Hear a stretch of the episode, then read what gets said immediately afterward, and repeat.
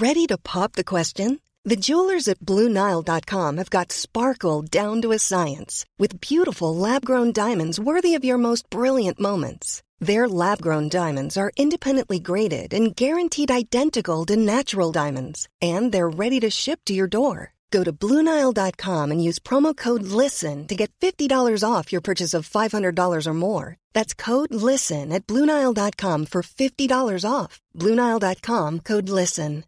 Hi, I'm Daniel, founder of Pretty Litter. Cats and cat owners deserve better than any old fashioned litter. That's why I teamed up with scientists and veterinarians to create Pretty Litter. Its innovative crystal formula has superior odor control and weighs up to 80% less than clay litter. Pretty Litter even monitors health by changing colors to help detect early signs of potential illness. It's the world's smartest kitty litter.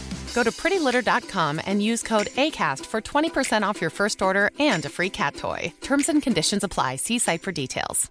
Quality sleep is essential. That's why the Sleep Number Smart Bed is designed for your ever evolving sleep needs. Need a bed that's firmer or softer on either side? Helps you sleep at a comfortable temperature? Sleep Number Smart Beds let you individualize your comfort so you sleep better together. JD Power ranks Sleep Number number 1 in customer satisfaction with mattresses purchased in-store. And now, save 50% on the Sleep Number limited edition Smart Bed for a limited time. For JD Power 2023 award information, visit jdpower.com/awards. Only at a Sleep Number store or sleepnumber.com. One size fits all seems like a good idea for clothes until you try them on. Same goes for healthcare. That's why United Healthcare offers flexible, budget friendly coverage for medical, vision, dental, and more. Learn more at uh1.com. I don't need a lot of brains in this business. I mean, I've always said if you got an IQ of 160, give away 30 points to somebody else because you don't need it in investments. What you do need is emotional stability. Wow. Very first tech IPO, and it's a big one. Stock market hit an all-time record high today. A crash is coming. Now, whether it's six months from now, 12 months, 36 months, no one knows. There's a bear market about every five years. We've gone eight years without one. People have to realize this is the biggest IPO ever. Hej och välkommen till ett nytt avsnitt av Market Makers. Hur är läget med dig Fabian? Hur lever livet i isolering? Jo, det är perfekt. Fan, jag älskar livet i isolering. Det finns inget att klaga om. Förutom det här att folk håller på att dö och grejer. Det är kanske lite tråkigt. Men skulle man ta bort det ur ekvationen hade mitt liv varit fantastiskt just nu. Provade även något som är lite spännande för många lyssnare. Jag provade det här Disney Plus i helgen. Mhm, just det. Jag, jag tänkte väl nästan att du ser ut som du är en åttaåring. Jajamensan. Och jag kan ju säga att du har exakt lika tråkigt utbud som jag trodde att det skulle ha. Nej, skämt åsida, eh, skämt åsida, skämt åsido. Det är ju exakt samma sak som, eh, eller det lider av exakt samma problem som HBO gör. Eh, du har sett det mesta, det finns inte så mycket eh, nya, nya saker att kika på. Nej, det är en ganska välkänd katalog. Det är inte så att de eh, pumpar ut något nytt Disney på så sätt. Exakt, det är en välkänd katalog. Det är väldigt mycket som när du ser det så bara haha, fan vad kul. Men sen tänker du efter, vill jag verkligen se det här? Nej, det var en eh, tråkig insikt. Men eh, en, en positiv grej var att de hade, de hade ju alla Simpsons-säsonger. Så jag kollade några avsnitt av eh, gamla Simpsons från början på 90-talet. Det var jäkligt nostalgiskt. Men jag tänker att det fortfarande är väl en ganska bra produkt, framförallt kanske för föräldrar. Alltså det är ju smidigt att ha alla Disney-filmer. Absolut. Å andra sidan så är de flesta barn inte så kräsna, så att jag menar, varför skulle du betala för något extra? Du kan lika gärna då ha Netflix eller någonting och så köra lite Greta Gris eller vad det kan vara för någonting. Jo, jo självklart. Det, det fyller ju en jättebra funktion på det sättet och eh, det kommer att vara en jättebra liksom, vapen i deras arsenal. Jag vill mest pushback på de här CNN-analytikerna, DE-analytikerna som säger att det ska vara en Netflix-dödare. Eh, det kommer det ju aldrig kunna vara. Inte som det är i, liksom, eller i dagens version av det i alla fall.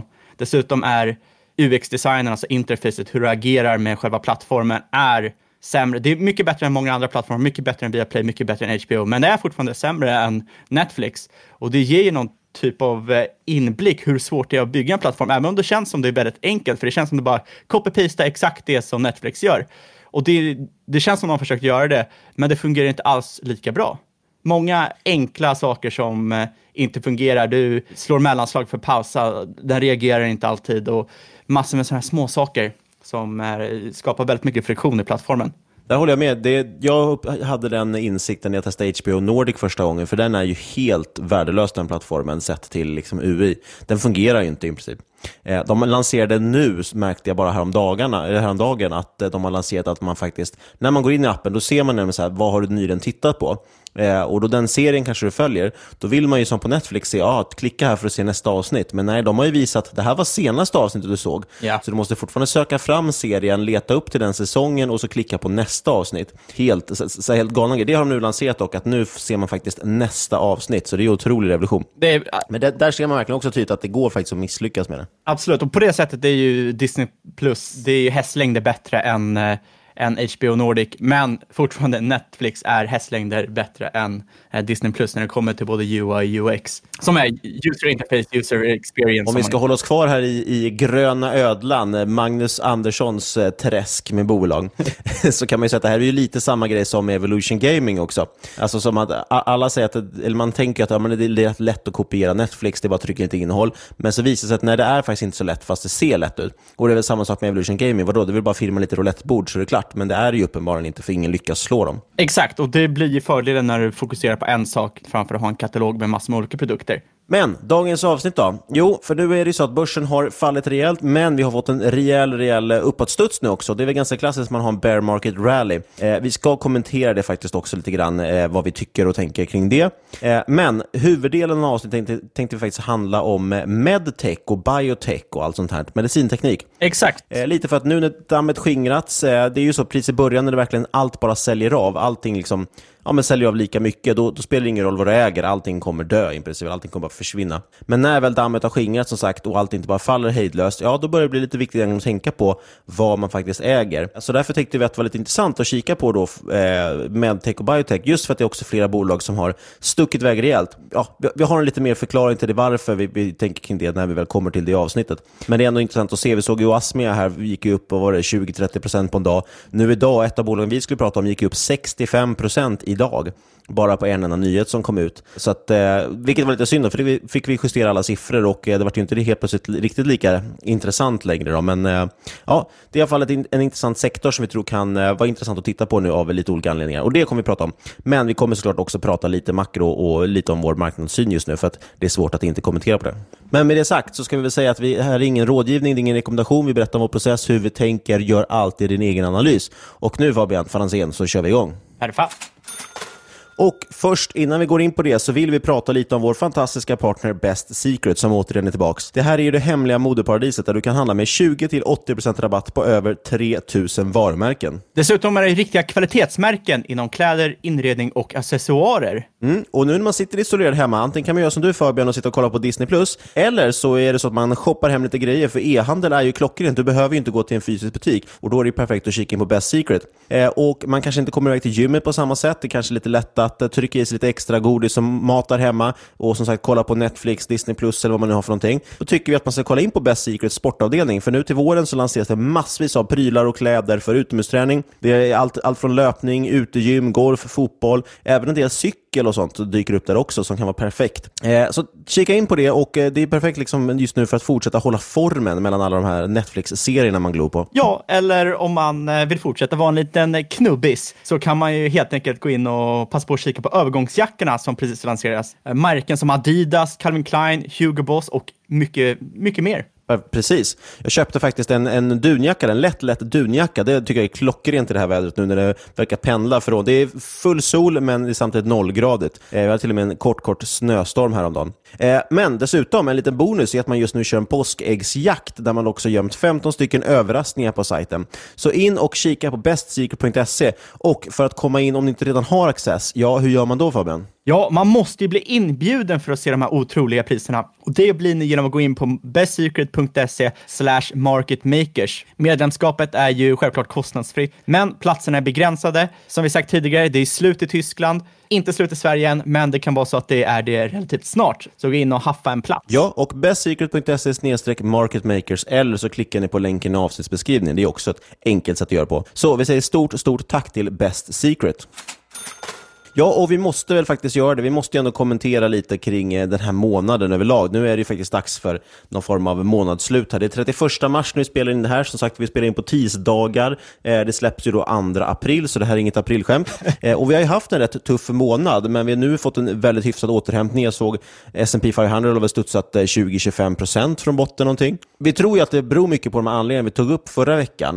Dels är det en klassisk bear market, det vill säga har du någonting som är tillräckligt översålt så kommer det till slut köpas sig upp igen. Spänner du ett gummiband tillräckligt hårt så kommer det smälla tillbaka. Eh, men dessutom har haft ganska stora köpflöden från fonder, eller framförallt pensionsfonder, som ska rebalansera portföljerna. Men den är lite intressant, för nu har jag sett här på Twitter i dagarna att det faktiskt var någon här, till exempel pensionsfond i Kalifornien, som ställde in sin, sin ombalansering. De struntar i att köpa aktier. Varför vet jag inte riktigt, kanske för att de då är rädda för marknadsklimatet, för hög volatilitet eller någonting annat. Eh, men så att det är lite oro, oroväckande utveckling, att skulle de här fonderna inte göra det här, ja då har den här liksom, Eh, frontrunningen på det, att folk har köpt upp det på grund av det, eh, kanske varit eh, helt missriktad. Då. Eh, och Sen så såg jag också faktiskt en rätt intressant graf nu här på hur stor andel av köptrycket som kommer från eh, återköp av, av bolag som köper tillbaka sina egna aktier, eh, i alla fall i USA. Då. Och som vi har pratat, det har vi varit inne på jättemånga gånger på det, men det är ju ett enormt, alltså det är verkligen tre, fyra gånger så stort som i princip alla andra faktorer. Eh, och nu är det ju så att det är fler företag som ställer in, precis som att vi i Sverige har många som ställer in utdelningar, så det är många i USA som ställer in utdelningar, men också sina återköp. Vilket gör att det kommer bli ett mycket minskat eh, köptryck på börsen helt enkelt. Absolut, och det är inte bara har du sett rally på börsen, du har även sett ett extremt fall i VIX. Har du suttit och hållit eh, puts eller någonting så har det blivit totalt eh, eh, destroyed. Värdet på dem har ju fallit otroligt mycket senaste, senaste veckan. Och det är, eh, men, det är fort, fortfarande dyrt. VIXen är fortfarande Eh, väldigt högt, ligger väl på runt 50. Men eh, det är otroligt intressant. Kikade eh, tidigare, nu i en tunna crude, eh, alltså en typ av olja i Kanada, det är ju billigare att köpa en sån än att gå och köpa en pint på puben. Vilket, det är helt otroligt, liksom, och för kanadensarnas ekonomi som är helt beroende av olja är det eh, otroligt läskigt. Lägg därtill på att du såg eh, i januari såg den en spike för kanadensiska banker i deras eh, non-performing loans, alltså lån som inte betalades på i eh, januari och man inte förväntar sig få eh, tillbakabetalningar. Nu lägger det till oljan som har fullständigt kraschat och att låneförluster redan innan har varit mycket större än de reserves man håller. Så eh, det lägger ju upp till att Kanada är extremt redo för att smälla av Ja, men lägg till där också att i USA, vi har ju pratat mycket om det med junk bonds och high yield bonds, alltså olika typer av eh, ganska riskfyllda obligationer. Det är ju en jättestor bubbla, eller kan bli ett väldigt, väldigt stort problem. Eh, och en stor del, i alla fall de amerikanska liksom, high yield obligationerna, det är ju från olika typer av oljebolag, framförallt mycket shale-olja då. Eh, och de drabbas ju också av de här låga, låga priserna. Ja, för de har ju någon typ av måste ju ha en bottenpris på typ 30 dollar för att det ska gå runt. Så det kommer antagligen se jävligt mycket konk eh, där. Men på tal om junk bonds, det var ju även så att Deutsche Bank och Commerzbank blev ju downgraded till junk bonds häromdagen. Det känns lite nu som jag såg någon som skrev på Twitter, det känns som börsen, hur den går jämfört med världen, känns ungefär som i filmen eller boken The Big Short, när allting började gå åt helvete men huvudkaraktärerna fortsatte eh, förlora pengar på sina CDSer. Precis, det är, verkligen, det är frikopplat från verkligheten. Men som sagt, det har ju återigen ju bara att göra med, med tillgång och efterfrågan. Om det är nu så att pensionsfonderna sitter och trycker in pengar i marknaden, ja då kommer det gå upp, för det är faktiskt ganska låga volymer på börsen också som handlas. Eh, och dessutom, som sagt, så är det ju alltid så att vi, det, vi kommer få, ett, få alltid studsa. Liksom. Det är ganska vanligt att vi får bear market rallies på kanske 20% upp. Eh, men någonstans här tror, tror jag i alla fall faktiskt, eh, ingen kan ju veta det kort, korta loppet så att säga, men jag är ganska övertygad om att det är bra lägen kanske att, att lasta av lite aktier eller att eh, korta dem man vill hantera det här kortsiktigt. Absolut. Kan jag bara nämna för skojs skull, apropå månadsskifte. I varje månadsskifte så byter vi ut de fonderna. Vi har den här momentumstrategin som vi pratat om i tidigare avsnitt. Eh, under mars så hade vi Fastighetsfonden, en eh, svensk småbolagsfond, eh, samt en guldfond. Och jag kan bara rapportera in hur de har gått i mars, för de har ju gått otroligt dåligt, till och med jämfört med börsen. Eh, OMXS30 GI gick ner minus 13 procent. Nu har jag faktiskt, eh, jag har inte justerat det här för de senaste två dagarna, så det, det, kan ha ändrats lite. Det går upp ytterligare lite. Eh, men Fastighetsfonden gick ner 30 procent på en månad. Det har ju verkligen varit stormat på svenska fastighetsmarknaden. Svenska småbolagsfonden gick ner 25 Guldfonden och klarade sig ganska hyfsat, minus 12% Vilket dock är ganska uselt med tanke på att börsen som sagt gick ner ungefär lika mycket. Eh, så totalt ner 22% på månad och det är lite tråkigt. Annars brukar det vara så att den här strategin historiskt ska ha lägre drawdown än börsen. Äh, det är bara pengar som man säger. Eh, men som sagt, det här är ett enda tillfälle. Absolut, men på tal om fastighet, jag undrar hur det går för de här Airbnb-värdena som har eh, lassat på med bostäder med, och har väldigt hög leverage för att sedan kunna hyra ut på Airbnb. Det har ju varit en Ja, det har varit en riktig goldmine fram till nu. nu de får, går liksom inte att hyra ut och kan inte sälja bostäderna. Undrar hur det kommer Det här är intressant faktiskt. Jag, jag, ska bara, innan jag kommenterar på det, jag vill bara nämna för jag tänker att det är det som kanske är intressant. Det är inte så många som är intresserade av hur den här momentumstrategin har gått, utan det de är intresserade av vad kommer att välja in för någonting nu till nästa månad. Så jag vill bara kommentera, eller nämna det. Och den kommer behålla guldfonden, men den byter fastighetsfonden och småbolagsfonden mot Japan faktiskt. Eh, Japan, japanska index och även långa räntor. Och det är helt enkelt, den väljer baserat på momentum, så det är det som har gått bäst senaste tiden. Så guld, långa räntor och Japan, det är lite intressant. Men i princip inget i det här urvalet låg på plus, förutom då eh, långa räntorna. Så att, eh, ja, det var lite intressant. Men apropå bostadsmarknaden, eh, om man tar den svenska bostadsmarknaden, den tycker jag nog kanske är den mest naiva marknaden vi har. Eh, för det är alltid så, så fort det stormar lite grann i ekonomin så går det ut massa mäklare och säger att nej, nej, nej, vi tror att det här är eh, positivt för bostadsmarknaden. Och det tror de vad som än händer så är det alltid positivt för bostadsmarknaden. Jag vet inte riktigt hur de kan komma till den konklusionen. Kanske är det så att de vill att folk ska betala för fastigheterna så de tjänar sina pengar. Kan vara så enkelt, jag vet inte. Vad tror du? Ja, det är, det är en suckers game. Du är beredd att hålla med?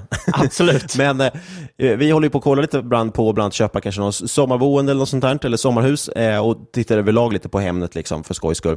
Eh, och det är kul att följa den utvecklingen för att man ser att det har egentligen inte hänt någonting på bostadsmarknaden. Jag tror helt enkelt att den, den laggar ju så pass mycket. Det, det, det, behövs liksom att verkligen, nu när folk börjar bli lite varslade och sådär, och, och i och för sig den här korttidspermitteringen hjälper ju av lite grann, men många är nog ändå oroade för sin framtid och fler kommer nog bli oroade för sin framtid. Och först då tror jag vi verkligen börjar se att när folk börjar dra sig för att, okej, okay, vänta, ska jag verkligen flytta just nu? Ska jag verkligen köpa dyrare hus just nu? när vi kanske ska hålla lite i pengarna. Men det är också intressant att se, de, de, de få budgivningar som jag tittar på, eh, då har det också varit väldigt mycket folk som försöker, alla försöker lägga bud under utgångspris. Ibland syns det ju i budgivningen, men ibland hör man också från mäklaren att nej, vi har fått några bud som ligger ganska långt under och säljaren vill inte acceptera dem, så de, de visar vi inte. Eh, så att, nej, det, det, kommer röra sig lite grann på den marknaden också, men det ska bli intressant att se. Det är, samtidigt, folk tror alltid att det är en bra investering och kanske är det så att det är nu man ska kunna göra klipp då, så småningom om det går ner riktigt mycket. Kanske lite sådana exekutiva aktioner som kommer ut också med Kronofogden, folk som har fått eh, problem med, med skulder och så vidare. Absolut, och det är nu de som har skött sin ekonomi verkligen kan överprestera de som inte skött det. Om du ser fram emot att bli rik framöver, kära lyssnare, då är det nu du ska kunna agera bra. Precis, i varje kris det är då det byggs förmögenheter som man brukar säga. Exakt. Eh, och så är det verkligen. Det är därför vi har pratat om det. Det gäller bara att ha kapitalbevaring. Ser du till att ha pengar när krisen liksom börjar närma sig någon form av botten, ja då har du möjlighet att göra väldigt, väldigt goda affärer. Exakt. Eh, hellre det än att plocka pennies in front of a steamroller som man säger. Eh, lite allmänt om eh, marknaden då, om vi ska prata om det här med botten, när det kommer bottna. Eh, jag har varit inne på det, jag har pratat mycket om det här med att börsen är framåtblickande. Man brukar prata om sex månader, så att börsen bottnar ju så att säga innan ekonomin bottnar. Men så lyssnade jag på då Simon White från Variant Perception eh, som har jobbat väldigt mycket med att studera historiska nedgångar eh, och recessioner och så vidare. Och Han hade en jäkligt intressant take på det här och jag, jag, han, är, han är mångdubbelt mycket bättre än vad jag är, så jag får väl ta hans, hans ord för lag. Eh, han pratar om det här, vi vet att börsen är framåtblickande eh, och visst, när vi har haft en recession, alltså det, när det är konjunkturcykeln egentligen som går ner, eh, den ekonomiska cykeln liksom som, som bromsar in, ja då kan börsen ganska lätt eh, titta framåt egentligen och, och eh, ja, men vara då framåtblickande och vända innan ekonomin vänder. Men det man ser historiskt är att när det gäller externa händelser, oavsett om det är krig eller pandemi som nu, då, eh, så har man faktiskt historiskt sett att börsen istället vänder i samband med att omständigheterna kring den här händelsen förbättras. Eh, så någonstans kommer, ska alltså då börsen, om det följer det här mönstret, snarare bottna när coronafallen kanske bottnar till exempel. Det skulle kunna vara ett exempel. Eh, så det handlar väldigt mycket om då att, att få en, en, ett grepp egentligen om att eh, vi vill se att kanske att antalet fall planar ut, eh, men vi vill också framförallt få ett bättre grepp kring hur stor skadan kommer bli. Och Jag tyckte det var lite intressant att, att börsen kanske inte är framåtblickande i alla händelser. Helt enkelt när det är för stor osäkerhet så måste vi verkligen se att okay, nu börjar det bottna, nu kan vi vara på säkra sidan att det faktiskt vänder. Eh, han nämnde också tre saker han vill att man ska se innan det vänder. Eh, det ena är penningpolitiska stimulanser och där kan vi sätta check för, vi har ju de största någonsin. Eh, det pumpas ju nu ut triljoner dollar, eller billion, biljoner dollar, alltså trillion dollars. Eh, han vill se fiskala stimulanser, även där vi fick in två biljoner dollar för den amerikanska staten. Eh, så det sista han ville se då, som vi saknar, och det är väl det här med en ordentlig plan egentligen för att hantera viruset. Eh, och jag skulle kanske vilja tillägga det, ja, antingen det eller att vi ser att det planar ut av sig själv. Det kan ju vara så enkelt att tyvärr att när tillräckligt många har dött eller tillräckligt många liksom blivit smittade, ja, någonstans där börjar det vända och vi får flockimmunitet och så vidare. Eh, så det är väl den sista katalysatorn där som vi behöver.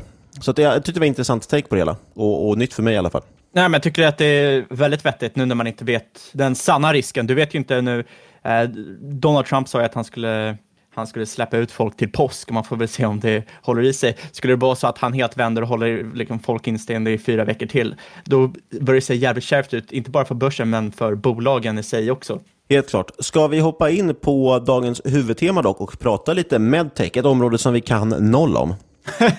det tycker jag låter bra. Men i alla fall, eh, hoppa in på vilka bolag vi kikar lite extra på och också vad vi tänker på när vi investerar i de här bolagen.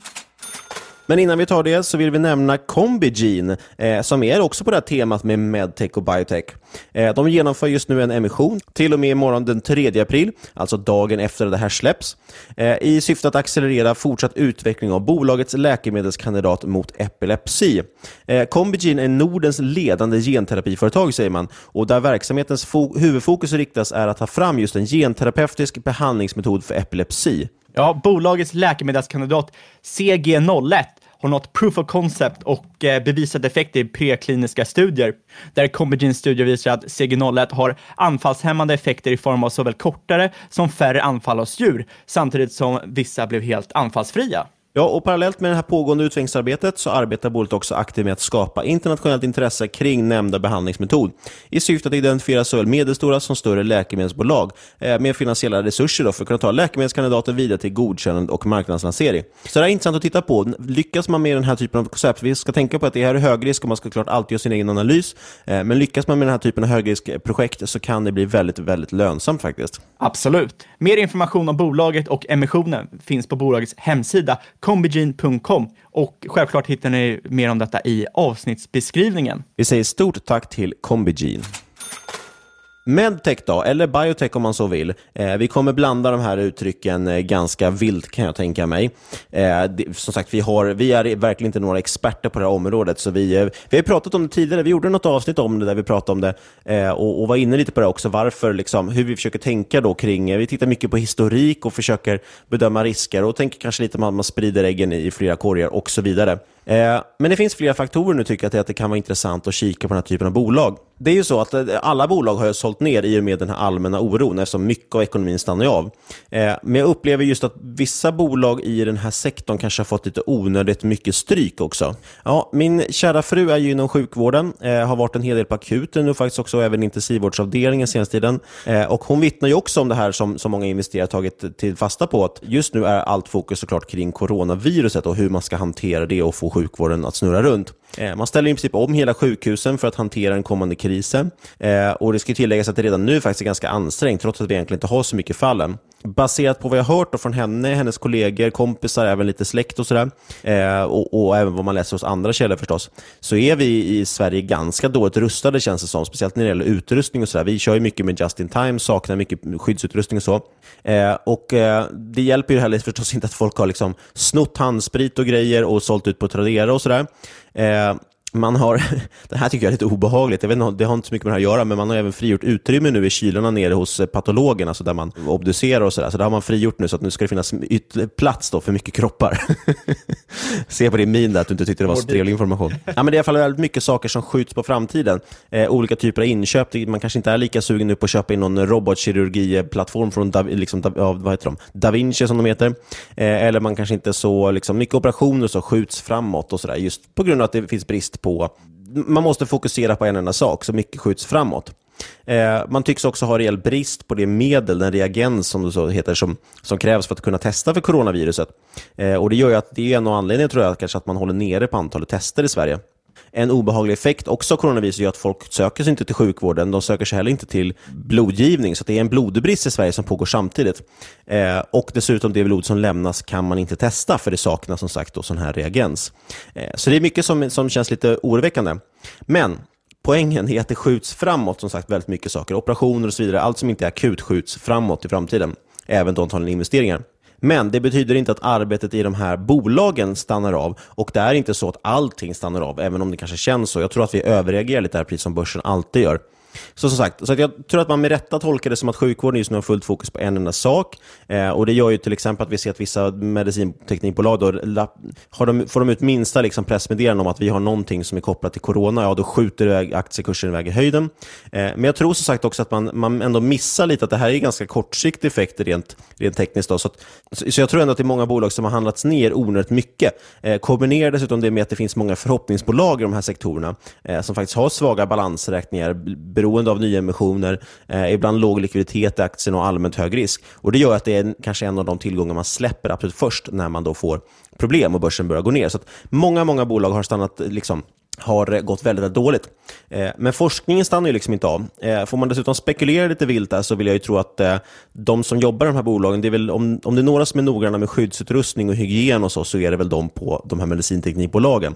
Eh, så de borde liksom kunna klara sig ganska bra från smitta. Eh, Dessutom så tänker jag kanske att, eh, om man generaliserar lite, forskare brukar vara ganska, ha ett ganska starkt kall, så jag tror även där att det är inte så att folk bara går hem och sitter och kollar på Netflix-serier, utan de faktiskt sitter och funderar på saker eller försöker jobba på så gott de kan, för att de vill framåt i den här kampen. Eh, och Poängen med hela den här långa utläggningen eh, är helt enkelt att det borde finnas bolag här som inte gått ner i pris, utan faktiskt också, som inte bara gått ner i pris, förlåt, utan faktiskt också blivit billigare. Eh, och som jag nämnde lite i, i, när vi pratade i början, här, att, det är att vi ser också kraftiga uppgångar när man väl levererar någonting faktiskt. Eh, och Asmia, jag sa 20% men det var faktiskt 50 den gick upp en dag här. Eh, Oncopeptide såg jag steg närmare 25% på ett studieresultat. Dumble Bond Pharmaceuticals skickar ut något PM om att någon av dess produkter kanske kunde användas mot corona. Då gick den upp över 100 eh, Och idag då, när vi spelar in det här, så var det Glycorex som gick upp 65% och Det handlar ju att göra med att de hade någon form av, eh, eh, en av deras produkter kopplad till plasma då, kunde visa sig vara intressant just för att man kunde få in antikroppar i folk som har corona och kanske hjälpa dem. Då. Eh, så, med risk för att, gör, att vi gör bort oss totalt, för vi är ju inte någon fena på de här produkterna, eh, så tänkte vi att, eh, jag tänkte att jag skulle dela med mig av några bolag som jag tittar på i alla fall och som jag väntar på ska bli billigare liksom, och tycker nu kanske börjar bli intressanta, vissa av dem. Ja, jag tänkte bara sticka in där, men som du säger så innebär ju corona risker för medtechbolag också, även om de kanske ligger rätt bra till. Och som du säger, är liksom, det är värt nu, speciellt när vi ligger i en björnmark, att försöka gallra vilka som påverkas mer och vilka som påverkas mindre. Bolag vars produkter som, liksom, har, liksom, som går till procedurer som icke är akuta eh, som olika operationer som kan skjutas upp i oändligheten. De kommer ju få det kämpigt och eh, lägg även på bolag som har kapitalintensiva produkter eftersom vi ser en omstrukturering i budgetar för eh, sjukhus med mera. Eh, även bolag som har tidskrävande installationer kommer ju drabbas på kort och medellång sikt. Sen har du ju även Precis. Ja. Dessutom har du ju reserestriktioner och eh, andra typer av prioriteringar. Tidsprioriteringar framför allt nu när det är corona. Eller, det, det jag tycker man ska tänka på är att om ett bolag är marknadsledare och har en stark balansräkning, då är det nog inget att oroa sig över in the long run.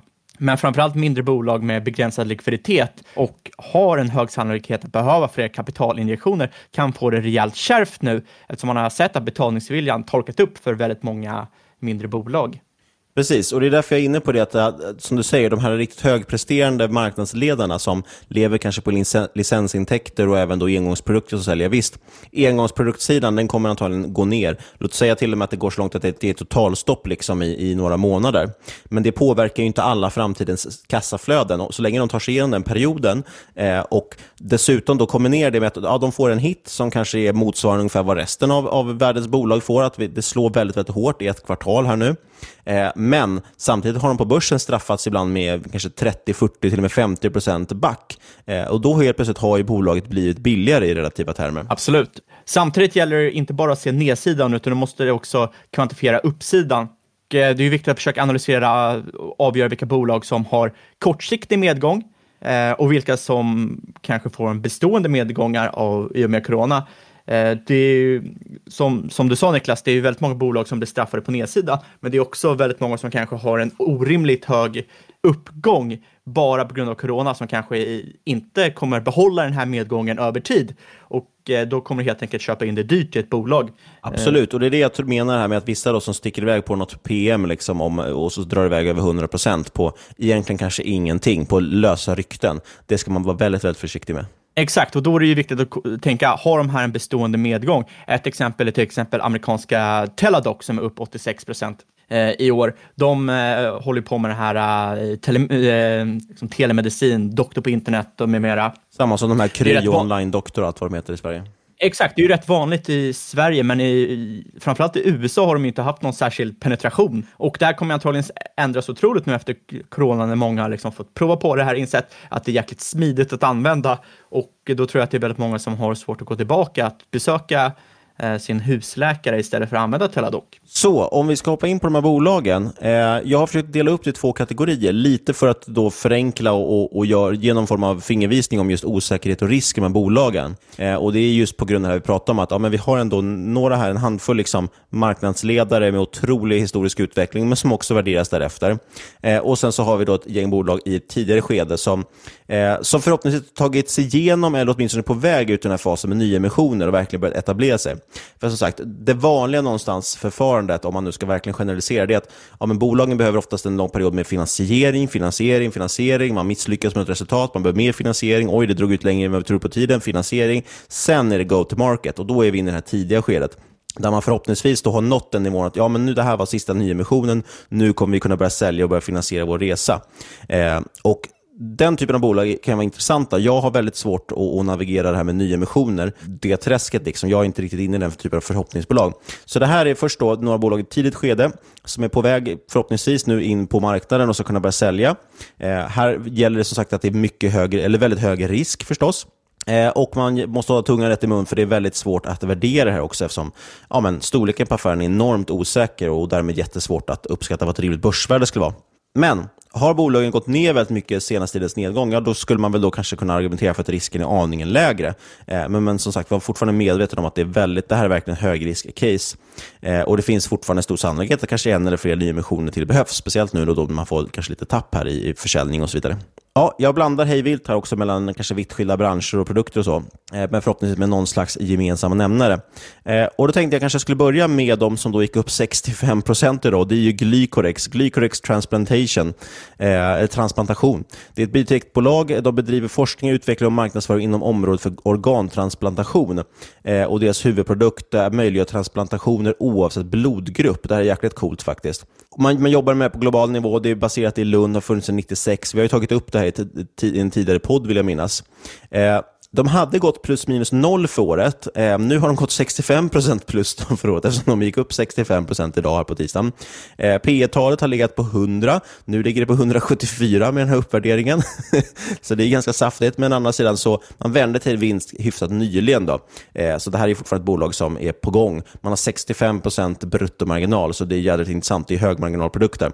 Eh, PS20 hoppade nu upp till 33, PEG 0,8, nu dock på 1,3. Det är fortfarande ett intressant bolag tycker jag, dock vart det kanske lite dyrt. Jag tyckte att PEG 0,8 för det här var jävligt intressant med tanke på just att, eh, hur lite vinst man ändå har. Så det här är något jag varit intresserad av och hade faktiskt tänkt lägga in en liten order på, men eh, jag slumrade till och sen så hade det gått upp 65 procent.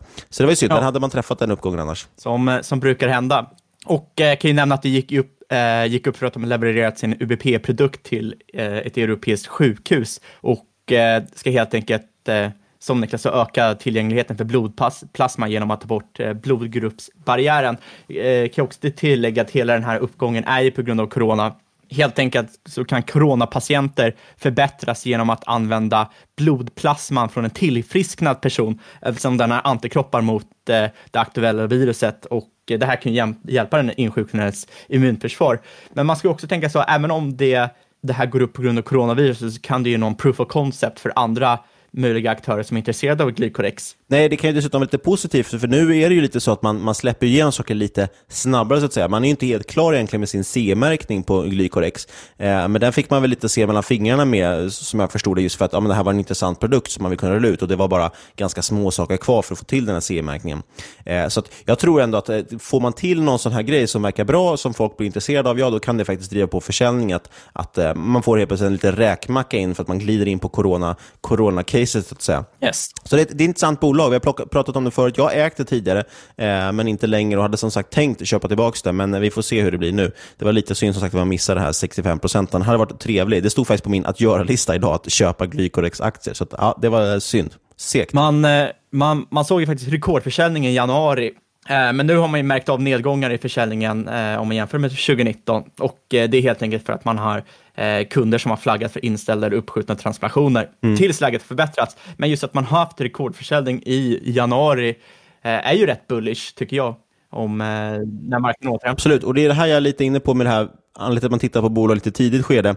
De här som ligger i mer moget skede, de har ju otroliga eh, marginaler, otrolig tillväxt, men prisas också därefter. Det som kan vara intressant med att komma in lite tidigare i de här bolagen är att när man väl gör den här omväxlingen till vinst, och det är lite den jag letar efter, jag vill ha bolag som antingen precis ska vända till vinst eller har vänt till vinst, eh, då får man sån fruktansvärd marginal, eh, vad heter det, marginalexpansion, så att, så att ja, det, blir, det går väldigt fort då att få in vinst i bolaget. Vi kan nämna en annan här. De, de flesta här har legat på min, min list, eller vad heter det, i mitt, har jag ägt av någon gång, därav att de finns på min lista. Eh, Bioservo, Bioservo Technologies, tog vi också upp i podden. Eh, de jobbar ju mer mot det här med att de har den här, en robotteknologi egentligen som personer som på olika sätt behöver extra muskelstyrka, då har de egentligen en robothand då, som gör att man kan lyfta upp det här eh, prylarna också. Supercool produkt som vi pratade om tidigare. De är back eh, närmare 50% i år. Jag sa att de hade en ganska bra uppgång idag, så att nu är de lite, lite mindre nedgång, så, men runt, eh, runt halverad kurs då. Och då handlas det ändå till price to sales på 3 eh, för ett bolag som knappt säljer någonting. Det tycker jag ändå är intressant. Det säger ju någonting om att så fort den omsättningen kommer igång, jag menar, okej det är kanske lite extremt, men får upp någon sån PS20 som det är på vissa andra bolag, eh, Glycorex till exempel, ja det blir ju en extrem uppvärdering och det skulle dessutom börja sälja lite mer också. Det ska vara intressant. Men såklart antagligen väldigt drabbad av att det här riktas ju mycket mot industri och industrin kommer ju nu stå på paus lite grann ett tag. Exakt, de har ju... Men intressant bolag. Men jag vill bara nämna det också att de, de går ju dock med förlust i dagsläget. Eh, tycker dock att någonstans här borde det vända och de verkar ha hyfsat bra kassa också i snabb anblick, eh, vilket då som sagt är viktigt för att undvika nyemission. Eh, som sagt, nettokassa, bruttomarginaler över 80% i dagsläget. Ja, jag ska bara nämna det du sa, att eh, de har ju gått ut med att eh, alla deras fokusmarknader är helt eller delvis nedstängda. Och det har ju självklart påverkat deras lansering av deras Iron Hand och eh, olika andra projekt hos kunder. Och de har även... Ja, men precis, för de, och de är ju mycket i den här fasen nu, säljfasen, och då det är det svårt då när man helt plötsligt ställer in alla mässor, man får inte resa till kunderna och många av kunderna dessutom i princip pausar hela sin verksamhet. Så, ja, jag tror att de är en tuff period just nu, eh, som motiverar nedgång kanske, men kan vara intressant när det väl vänder. Exakt, och det här, eh, de säger också att liksom, om det här med corona och nedstängda pågår längre än vad de har trott, ja då kommer de ju se en stark påverkan på sin eh, försäljning från negativa sidan. Så det här PS3 kanske inte fortsätter vara PS3 framöver om man säger så. Det kanske går upp till PS20 ändå om de ser en stark negativ trend i tillväxt. Det som, det ja, du som är tänker att jäk- sales går ner alltså, inte price Ja, exakt. Price går inte upp, sales går ner. Det som är rätt positivt med de här tycker jag, de är ju att de har ju en market cap på typ 100 miljoner SEK, men de har också en kassa på strax under 60 miljoner SEK, så de är relativt bra kapitaliserade, eh, vilket är otroligt skönt om man sitter och äger det här bolaget.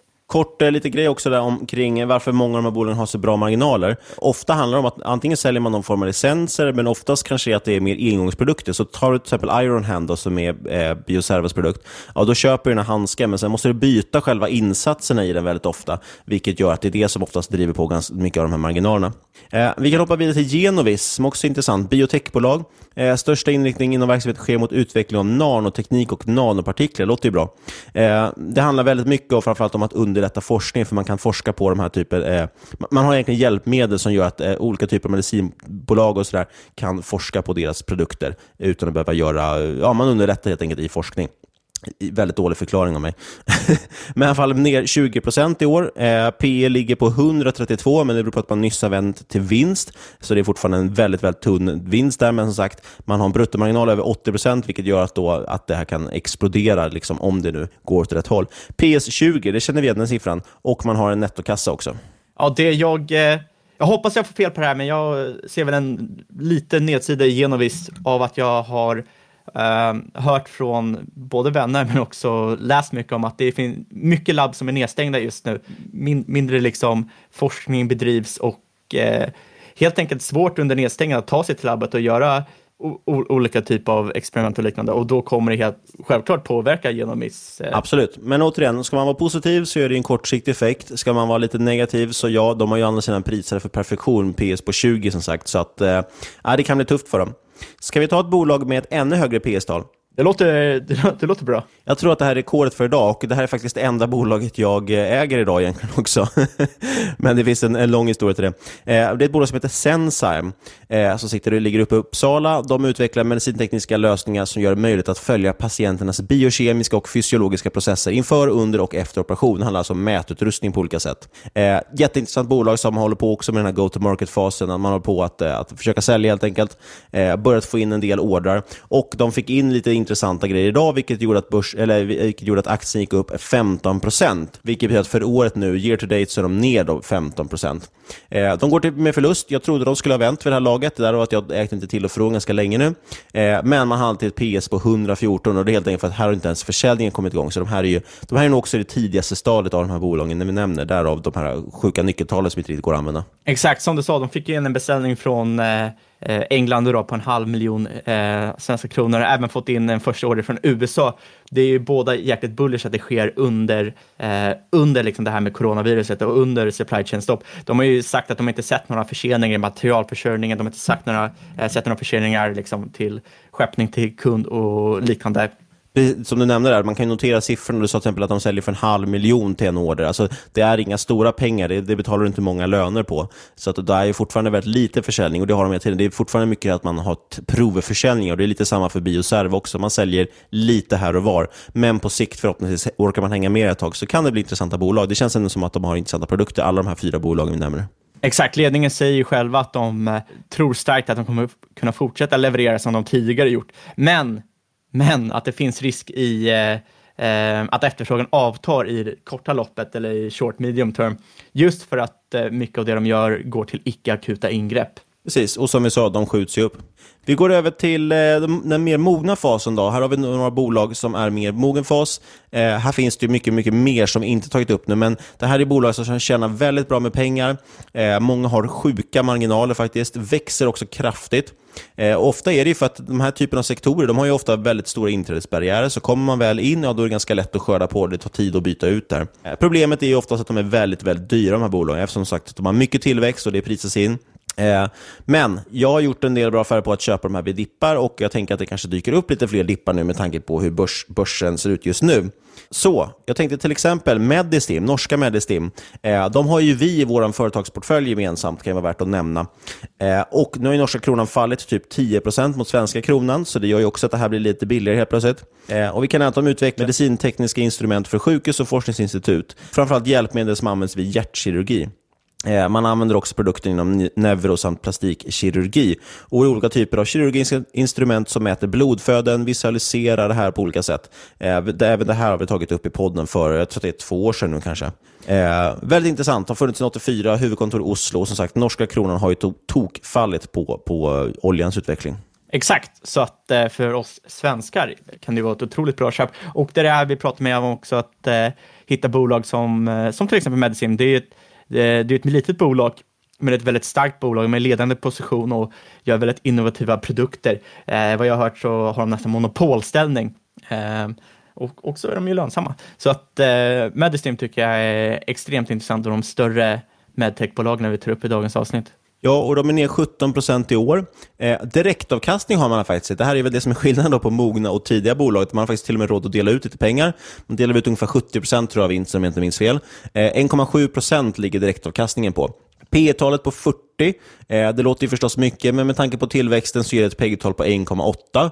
Eh, man har price to sales på 8 så det är som sagt lite dyrare, men å andra sidan, går man in och tittar kurvorna på den här typen av bolag så förstår man varför det har en premievärdering. Eh, det är helt sanslöst, det är riktiga sådana hockeystickklubbor. Eh, 78% bruttomarginal, 20% vinstmarginal, 30% return on equity, nettoskuld, eh, som är som mitt coronatest, nämligen negativt. Låter ju positivt. Precis. Det, vi, vi får sluta köra hiv-testen, nu är det coronatest som gäller istället. Eh, men sagt, vi äger dem, för full disclaimer, vi äger dem i vår bolagsportfölj. Ett annat bolag som jag gjorde en av mina bättre affärer förra året på var i Vitrolife, för de följer någonstans, eh, var väl 20% på en dag eller något sånt, och då köpte jag in dem. Jag hade haft dem på, på screenen länge. Eh, de är ner 30% i år. De håller ju på mot fertilitet eh, och har haft Kina som en väldigt stor marknad, vilket har gjort att de såklart föll väldigt, väldigt mycket och väldigt snabbt så fort det blir oro i Kina. Eh, men det är inte så att folk kommer sluta vilja ha barn efter corona, så det kommer antagligen snurra igång igen det här också. Men såklart ett tillfälligt stopp. då. Direktavkastning är 0,75 Man delar dock bara ut 30% av vinsten här. Eh, P 40 också, PS 10, PEG 1,7. Någonstans här börjar det bli intressant.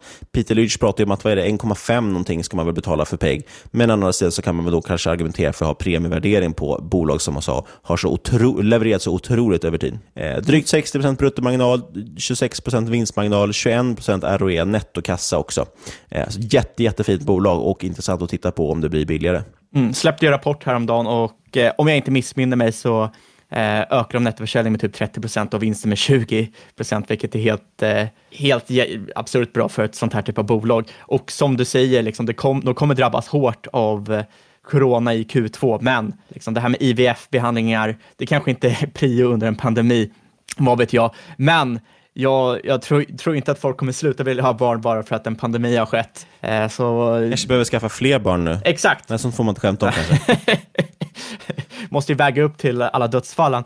Nej, men long term outlook. Eh, jag, jag, tror väldigt starkt på ledningen. De ser fortfarande 5-10% tillväxt per år framöver. Sist ut, ytterligare en sån här uh, otroliga kurvor på Cellavision, eh, som också tror jag tagit upp i podden en gång.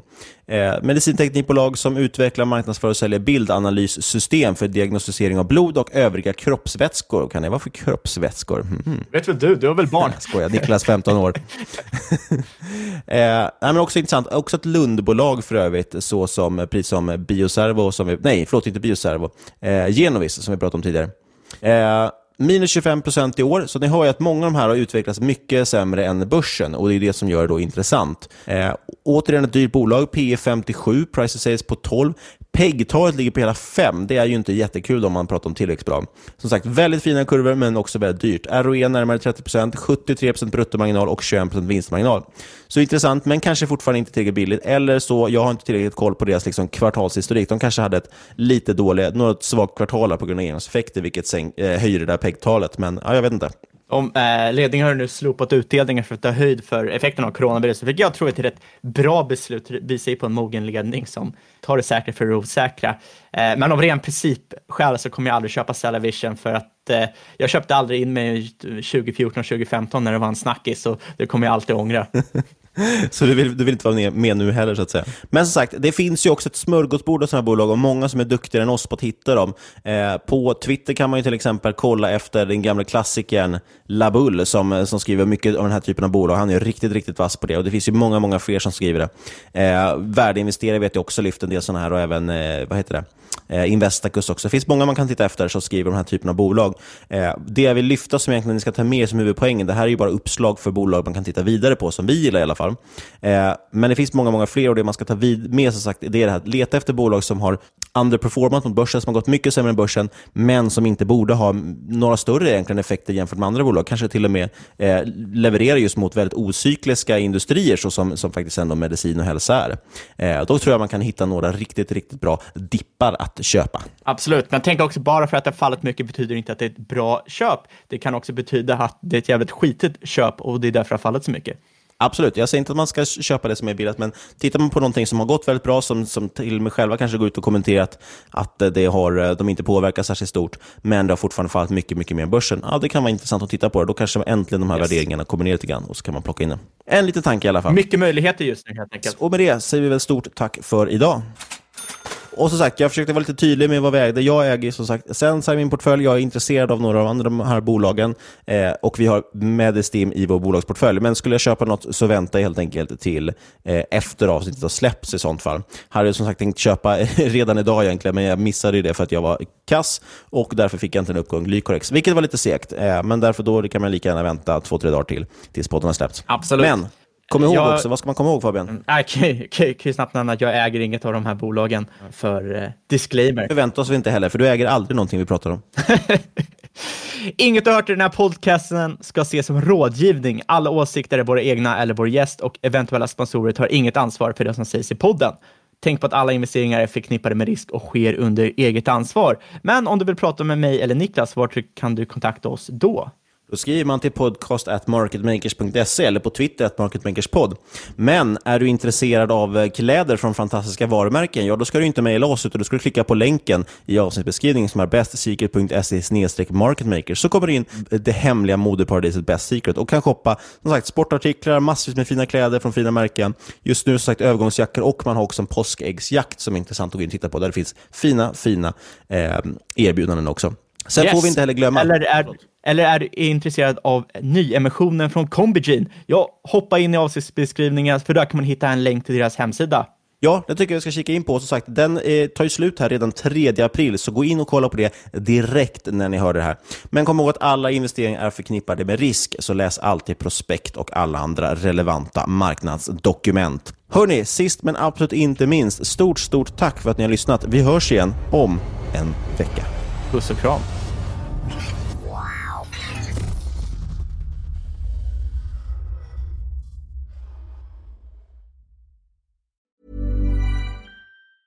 Hi, I'm Daniel, founder of Pretty Litter. Did you know cats tend to hide symptoms of sickness and pain? I learned this the hard way after losing my cat, Gingy. So I created Pretty Litter, a health monitoring litter that helps detect early signs of illness by changing colors, saving you money and potentially your cat's life. Pretty Litter is veterinarian developed, and it's the easiest way to keep tabs on your fur baby's health right at home. Go to prettylitter.com and use code ACAST for 20% off your first order and a free cat toy. Terms and conditions apply. See site for details. Hey, it's Ryan Reynolds, and I'm here with Keith, co star of my upcoming film, If, only in theaters, May 17th. Do you want to tell people the big news?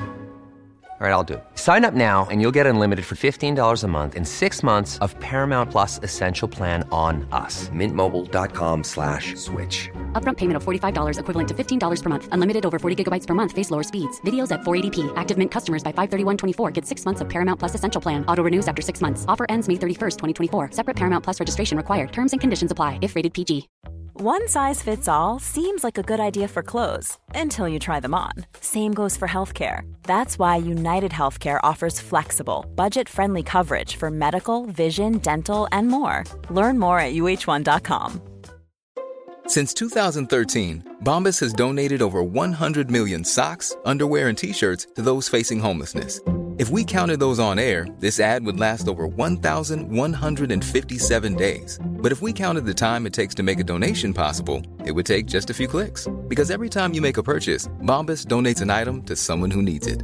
Go to bombas.com slash ACAST and use code ACAST for 20% off your first purchase. That's bombas.com slash ACAST, code ACAST.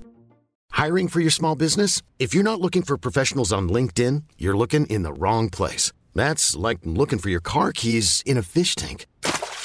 LinkedIn helps you hire professionals you can't find anywhere else, even those who aren't actively searching for a new job but might be open to the perfect role. In a given month, over 70% of LinkedIn users don't even visit other leading job sites. So start looking in the right place. With LinkedIn, you can hire professionals like a professional. Post your free job on linkedin.com slash achieve today.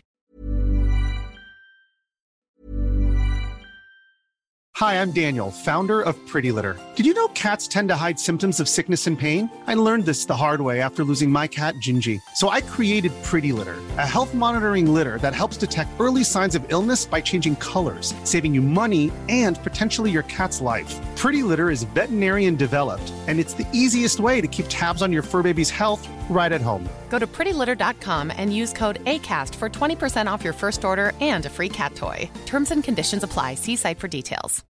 As humans, we're naturally driven by the search for better. But when it comes to hiring, the best way to search for a candidate isn't to search at all. Don't search, match with Indeed. When I was looking to hire someone, it was so slow and overwhelming. I wish I had used Indeed. If you need to hire, you need Indeed. Indeed is your matching and hiring platform with over 350 million global monthly visitors, according to Indeed data, and a matching engine that helps you find quality candidates fast. Ditch the busy work. Use Indeed for scheduling, screening, and messaging so you can connect with candidates faster. And Indeed doesn't just help you hire faster. 93% of employers agree Indeed delivers the highest quality matches compared to other job sites, according to a recent Indeed survey. And listeners of this show will get a $75 sponsored job credit to get your jobs more visibility at Indeed.com slash podcast. That's Indeed.com slash podcast. Terms and conditions apply.